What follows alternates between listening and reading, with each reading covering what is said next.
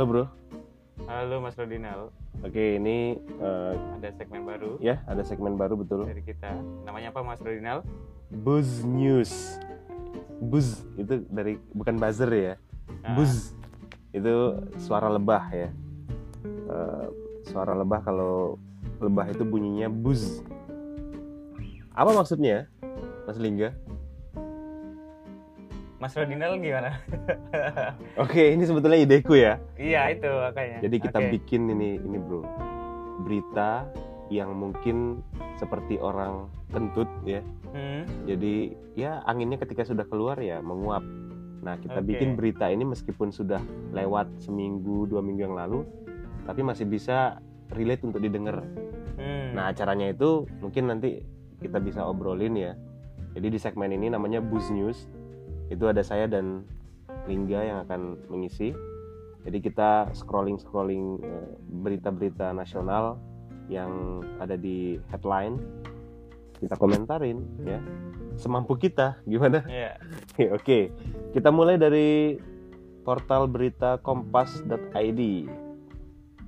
Oke, kita pilih-pilih berita mana yang akan kita komentari dari atas saja, Bro. Ini. Komnas HAM sampaikan hasil investigasi tragedi Stadion Kanjuruhan.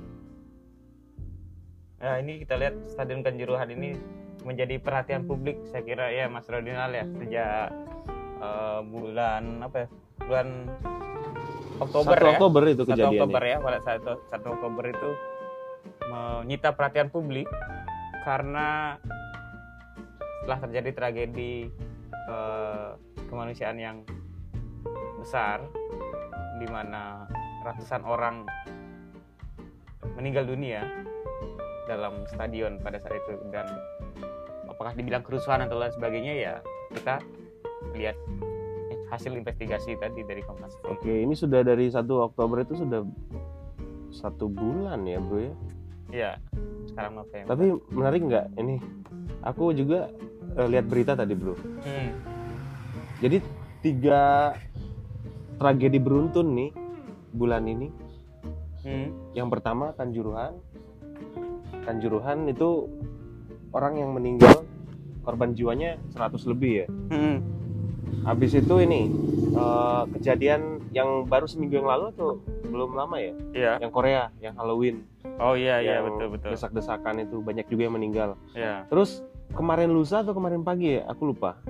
Itu jembatan layang, jembatan gantung Di Matan di India.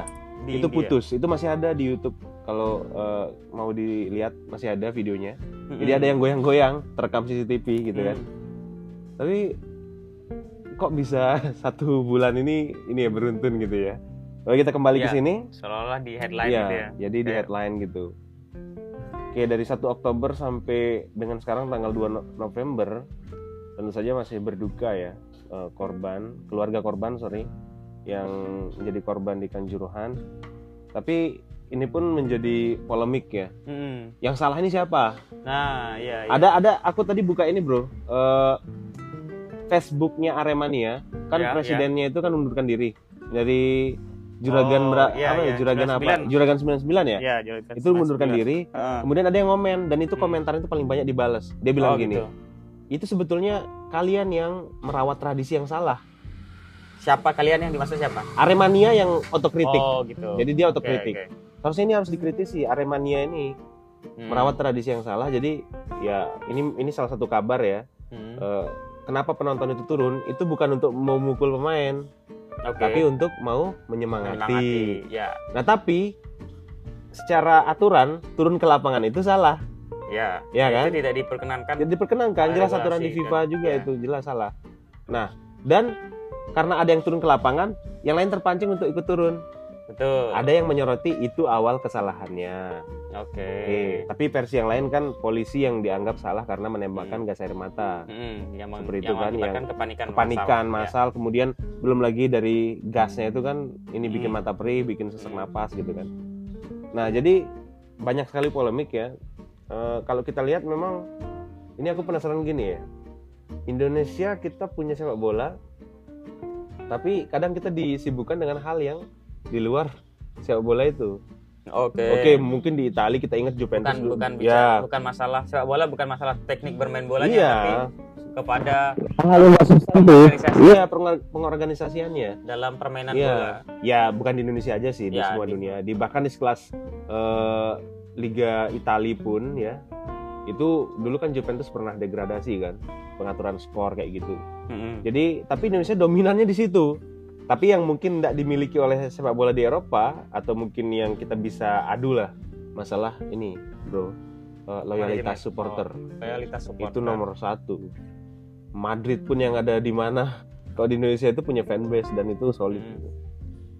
mengalahkan sekte-sekte aliran-aliran keagamaan bahkan ya dengan besarnya eh, fans-fans dan sebagainya itu nah itu sebenarnya otokritik juga tadi di satu sisi saya juga sepakat bahwa itu dianggap sebuah eh, autokritik terhadap Aremania nah di sini juga menjadi peluang saya kira ketika itu menjadi kritik juga bagi eh, klub-klub bola yang lainnya.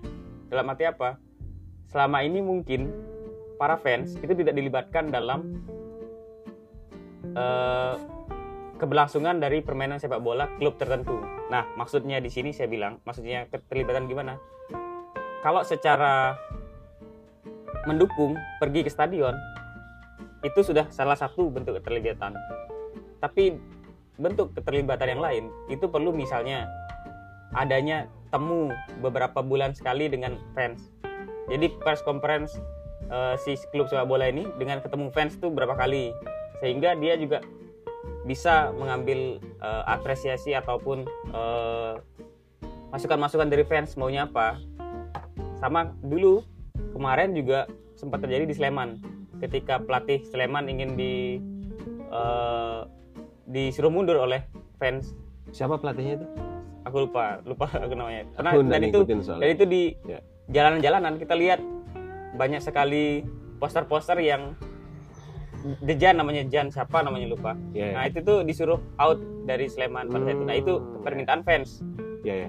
tapi Kayak be- beda, Moyes out, inget aku Ya. Moyes ya. ya. nah, itu kan beda beda lagi Mhm. itu be- soalnya fans berbeda dengan manajemen kan manajemen kan Hmm. sudah beda dan fans tuh benar-benar berada di luar sepak bola tapi menjadi mitra dari industri sepak bola Ya, nah itu tuh Hmm. fans tuh setidaknya nah dengan uh, kegiatan seperti ini ataupun dengan tragedi seperti ini fans lebih diperhitungkan ketika uh, terjadi uh, apa namanya uh, permasalahan atau keluh kesah yang ada di klub itu sendiri misalnya ya tadi ada temu fans fans dikasih kesempatan untuk bertemu ke ke apa namanya ke home base nya si si klub ya.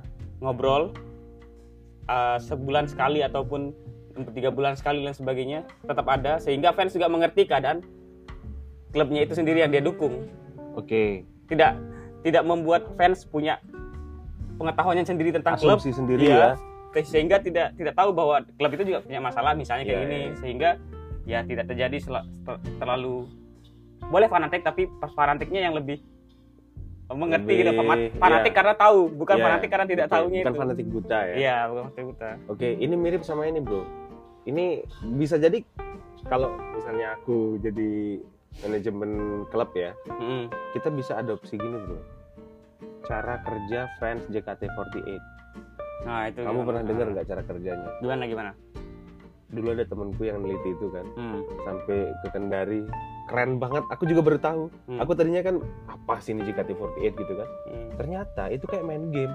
Hmm. Jadi setiap JKT anggota yang line line apa line up yang pertama, yang utama Ya, gitu ya, ya itu bisa tampil kalau dia punya fanbase.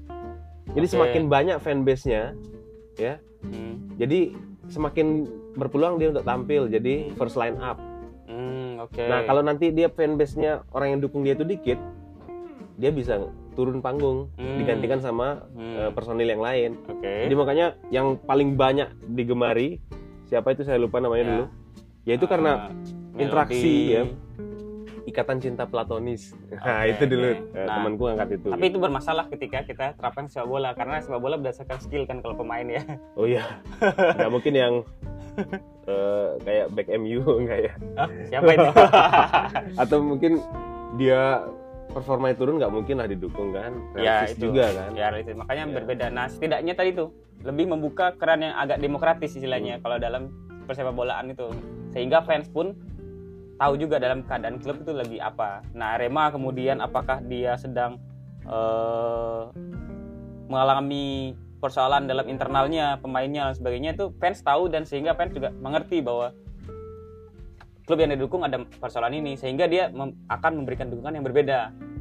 Oke. Bukan ya kalau yang kemarin itu yang turun ke lapangan dan sebagainya nah itu pun juga karena pertama ketidaktahuan supporter mungkin kesalahan supporter dan kedua kekeliruan yang di keliruan tindakan yang dilakukan oleh aparat polisian Sebetulnya situ. gini, dan Bro. panitia dan banyak lah polisi itu ada SOP-nya oke ya ya pasti ada SOP-nya kan? Betul. melihat ada apa kerumunan massa yang kemudian berpotensi untuk bentrok Mm-mm, itu kan interpretasi dari polisi yang di lapangan. Mm-mm. artinya ya nggak usah nggak terlalu naif juga lah maksudnya polisi yang salah banget gitu. Ya. Tapi memang eh, ya 50-50 lah mungkin peluangnya untuk salah itu 70% Ya. mungkin ya tapi memang mereka itu ada SOP Mm, ketika mereka lihat turun ke lapangan itu mereka menangkap bahwa itu akan bikin huru hara di lapangan mm. makanya ditembakin air mata kan gas air mata Hmm. kan nah tapi lagi-lagi ke SDM polisi yang ada di lapangan Hmm. Nah, masalah Gitu. SDM kan polisi itu kan bedas, eh, bekerja kan berdasarkan dari apa yang kita sebut sebagai komando kan. by command Iya. kerjanya milit orang-orang militer ya Mm. itu Nah, command di setiap eh, komando pasti ada tim yang penangkapan ataupun mengeksekusinya ada. Nah, itu kan berdasarkan komando. Nah, komandonya sebenarnya yang memang harus lebih bertanggung jawab Ya. besar terhadap hal-hal kalau terjadi di luar kalau itu. kamu nonton ini bro film Hollywood Perang Dunia Kedua di Nazi itu ada officer. Hmm. di tentara Amerika juga ada officer. Dia jadi cuman pegang senjata kecil tapi dia bawa radio. Dia bawa ibaratnya dia itu yang anunya lah eh, kaptennya gitu kan. Hmm. nah setuju sih. Jadi harusnya itu yang kemudian meng- mengomandoi kan. Harusnya demi eh, di nggak usah ditembak gitu kan. Ya, dan nggak usah diarahkan gas air mata penonton. apakah itu harus dilepaskan dan Iya. sebagainya itu kalau kalau kita Menjadi- investigasi watchdog ya ya itu kan ada eh, ini ya eh, saksi mata. Jadi ada rekaman video memang ditembakin ke tribun ya ya. ke arah penonton dan itu memang sesak dan bikin mata perih dan itu orang panik. Panik. Panik itu yang ngeri kan. Bahkan jangan kan panik pada saat itu panik yang gara-gara kita dulu covid aja. Panik buying. Ya itu tuh iya. eh, minyak goreng menjadi gitu ya. menjadi kengerian tersendiri dalam oke ini itu. satu satu berita ya yang jadi headline hari ini. Dan tadi yang sempat mas masih dibahas ini. Oh dibilang juga di Korea dan di Cina dan sebagainya itu kayak agak mirip miripnya adalah eh, karena berkaitan dengan ini berkaitan dengan eh, gimana sih kondisi masa di dalam eh, fenomena itu. Satu tentang sport satu tentang hiburan. Ya satu lagi tentang eh, hiburan juga hiburan juga, jembatan kebanyakan itu hiburan ya. lah. kan itu rekreasi kan? Itu tuh menjadi eh, tepat kalau kita bicaranya kan secara institusional. Karena institusional itu adalah produk demokrasi. Dan itu adalah cara kita salah satunya untuk bisa mencari siapa yang salah dan benar.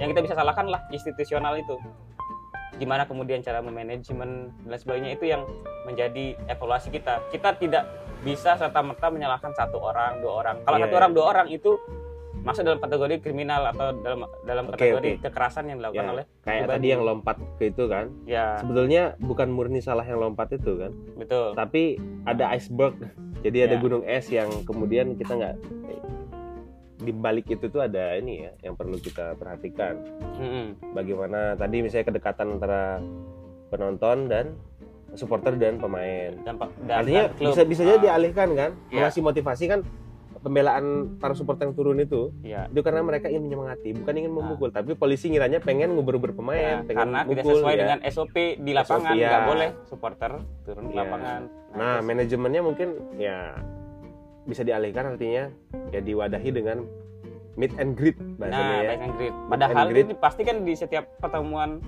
eh, krusial apalagi eh, derby dan sebagainya itu ya, tetap, tetap ada itu setelah setelah pertandingan pasti ada press conference Oke. di liga-liga dan sebagainya itu pasti Fungsinya itu ada. bukan bukan cuma untuk foto minta tanda tangan Iya. kan? untuk memberikan Hearing lah, hearing. ya Jadi kayak memberikan penjelasan Ya, yang terjadi di lapangan ya. seperti apa makanya sedang melakukan apa aku mikir gini juga eh, klub-klub bola di luar ya, Hmm. kayak ya di Liga Inggris lah misalnya kan yang klub eh, apa liga terbaik di dunia.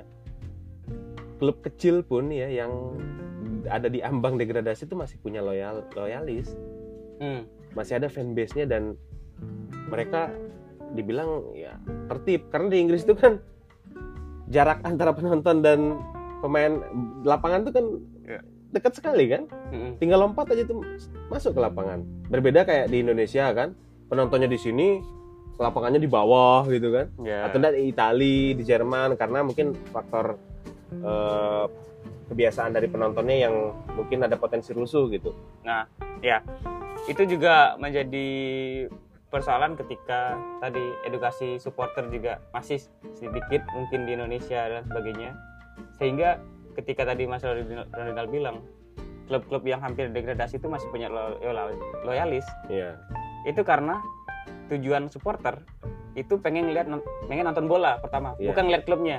Kita Iya. kita coba uh, bukan hanya berpacu pada skor ya, ya. kita coba ya kita coba coba tables. urai sedikit-sedikit kenapa orang suka nonton bola. Karena bukan karena klub pertama. Klub itu kemudian pilihan nomor dua. Karena pertama dia suka nonton bola.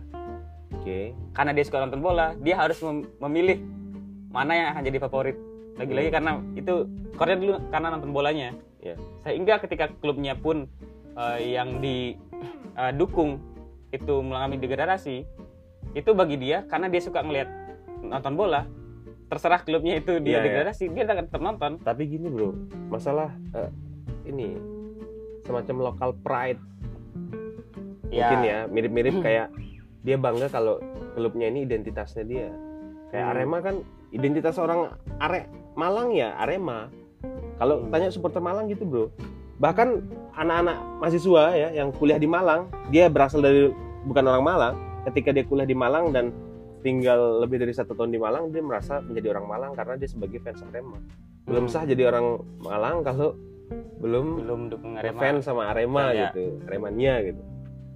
Tapi dulu gini bro, aku pernah ke Malang pas laga besar itu dia di di Malang. Itu sempat plat L itu di sweeping. Hmm.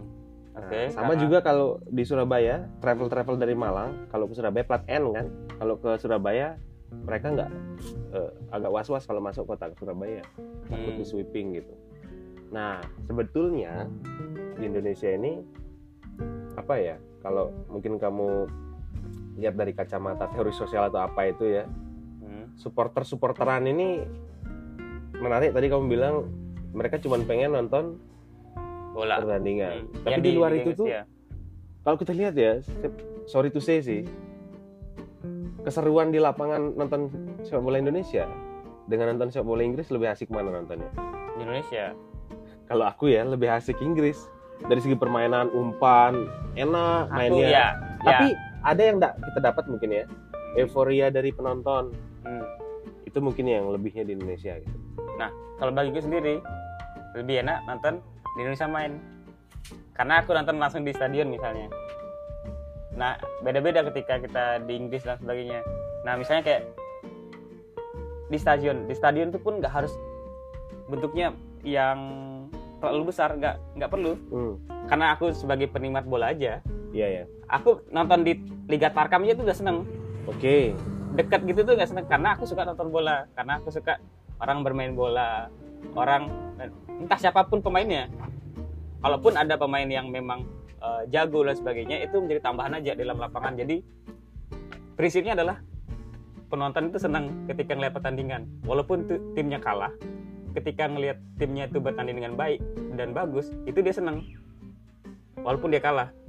Nah eh, hal itu terjadi miris ketika hal itu di- diatur kayak ada pengaturan skor sehingga Iya, kita iya. tidak melihat keseruan dalam permainan bola itu kayak nah itu yang menjadi persoalan kemudian bagi penonton itu sendiri Iya, iya. sehingga ada juga sisi, sesi pen- apa, sifat-sifat penonton yang seperti Mas Rodinal, bilang dia pengennya pokoknya menang gimana pun caranya kalau klubnya menang dia bangga dan sebagainya nah itu kan menjadi keegoisan sendiri bagi penonton sepak bola dan dia berarti bukan penikmat sepak bola penikmat kemenangan Iya iya iya. bukan penyebab bola kalau saya itu lebih melihat karena bola itu adalah sport kemudian eh, ada fairness di situ kemudian eh, sekarang sifatnya terbuka yang dicari adalah Entertainmentnya, ya bener nggak? dia dua klub ini menghibur kita dengan segala umpan-umpan gocekan-gocekan penyelamatan kiper Karena kalau kita Defender pikir-mikir ya, bo itu permainan bro. kita gak dapat apa-apa dari sana kecuali Iya. kita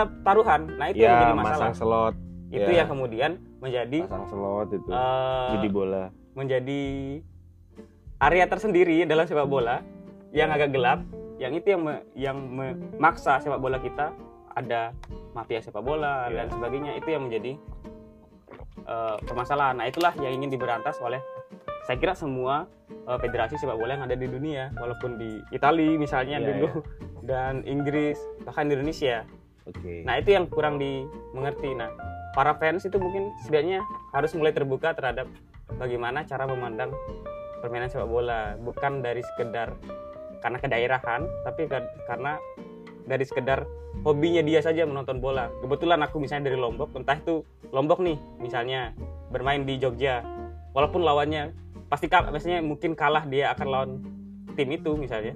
Aku tetap nonton karena aku senang lihat oh ada keterpakan sendiri bahwa ada klub yang dari Lombok misalnya main udah walaupun dia eh, kalah dan sebagainya nggak masalah kalau permainannya bagus saya sebagai penonton tuh senang gitu senang aja Oke. Oke. karena toh kita dapat apa-apa dari Eh, itu Iya iya. kecuali kita bertaruh Iya iya. betul betul. Tapi nggak semua fans orang berpikir, seperti itu, kan. ya saya Jadi, pahami nah ya, itulah yang kemudian memaksa orang-orang kita menjadi eh persepak bola kita menjadi industri yang kalau itu terus dipertahankan kita tidak bisa salahkan ketika banyak mafia-mafia sepak bola terjadi. Karena fans kadang-kadang juga dengan cara tidak sadar ya, ya. dengan cara tidak sadar membentuk membentuk kultur itu. Ya kultur yang sebetulnya itu ada di nggak terlalu relevan dengan apa yang ditonton gitu kan. Betul. Kayak misalnya ya itu ekonomi lah kayak di taruhan gitu kan. Hmm, kemudian masalah identitas ya. Jadi seolah-olah kalau tim yang dia bela kalah Iya. itu harga dirinya terinjak-injak gitu kan ya Oke, Nah, mungkin- cara sepak bola ya. menumbuhkan kita Hmm. bisa inilah bro apa berkaca dari fans loyalnya MU lah sekarang kan Oke. dikatain gimana gimana ya kayak Oke. eh, si Casemiro pindah ke MU dikatain pensiun Oke. ya, jadi ada yang komentari oh Casemiro kok pensiun jadi pindah ke MU itu sama dengan pensiun tapi loyalisnya itu tetap karena mereka punya sejarah panjang ya Ya. dan itu yang mereka oke nikmati aja ketika merah bermain di lapangan Hmm. have fun gitu kan Nah, kecuali si merah kemudian buruknya di mana? Itu akan ditinggal pema- eh, penonton fans kalau pertama manajemennya kurang jelas, ya banyak terjadi skandal dan sebagainya. Nah, itu kan orang jadi nggak respect terhadap itu. Iya, iya. Tapi kalau yuk, pemainnya jelas tapi kalah itu sudah biasa kan permainan Iya, dan sebagainya iya. gitu loh. Nah, itu yang yang fans itu lihat sebenarnya. Nah, aku kemudian nggak tidak respect dengan satu klub walaupun dia menang terus. Kalau dia punya skandal ini, ya aku bakal pergi dari situ. ya, ya. karena udah nggak sehat ya karena udah nggak sehat. Iya. Jadi kita nonton bola itu nonton yang sudah di setting jadi ya masa gitu. kita udah pertandingan udah ditentukan lah siapa yang menang siapa yang kalah Iya. oke ini komentar apa kita ter, ini tentang headline ya Sepak bola. dari hal tragedi ke yang manajerial ya Mm-mm. ya kita komentarin ini udah 24 menit Wih. nggak kerasa ya bro ya ya. ya segmen pertama Buzz News Mungkin kita ngomentarin ini. eh, ini ya eh, fenomena sepak bola di tanah air. Oke, oke nanti kita bahas lagi ya eh, Iya. berita-berita yang sekiranya bisa kita bukan digoreng, bisa di kita iya, obrolin kita ya obrolin. sambil ngopi-ngopi. Oke, thank you. Setidaknya kita punya banyak sudut pandang untuk membahas Iya. berita Sudut sehingga pandang itu penting. Oke. sehingga kita punya sikap tersendiri ketika melihat berita itu sendiri. Jadi tidak ngawang-ngawang lah. Oke, thank you.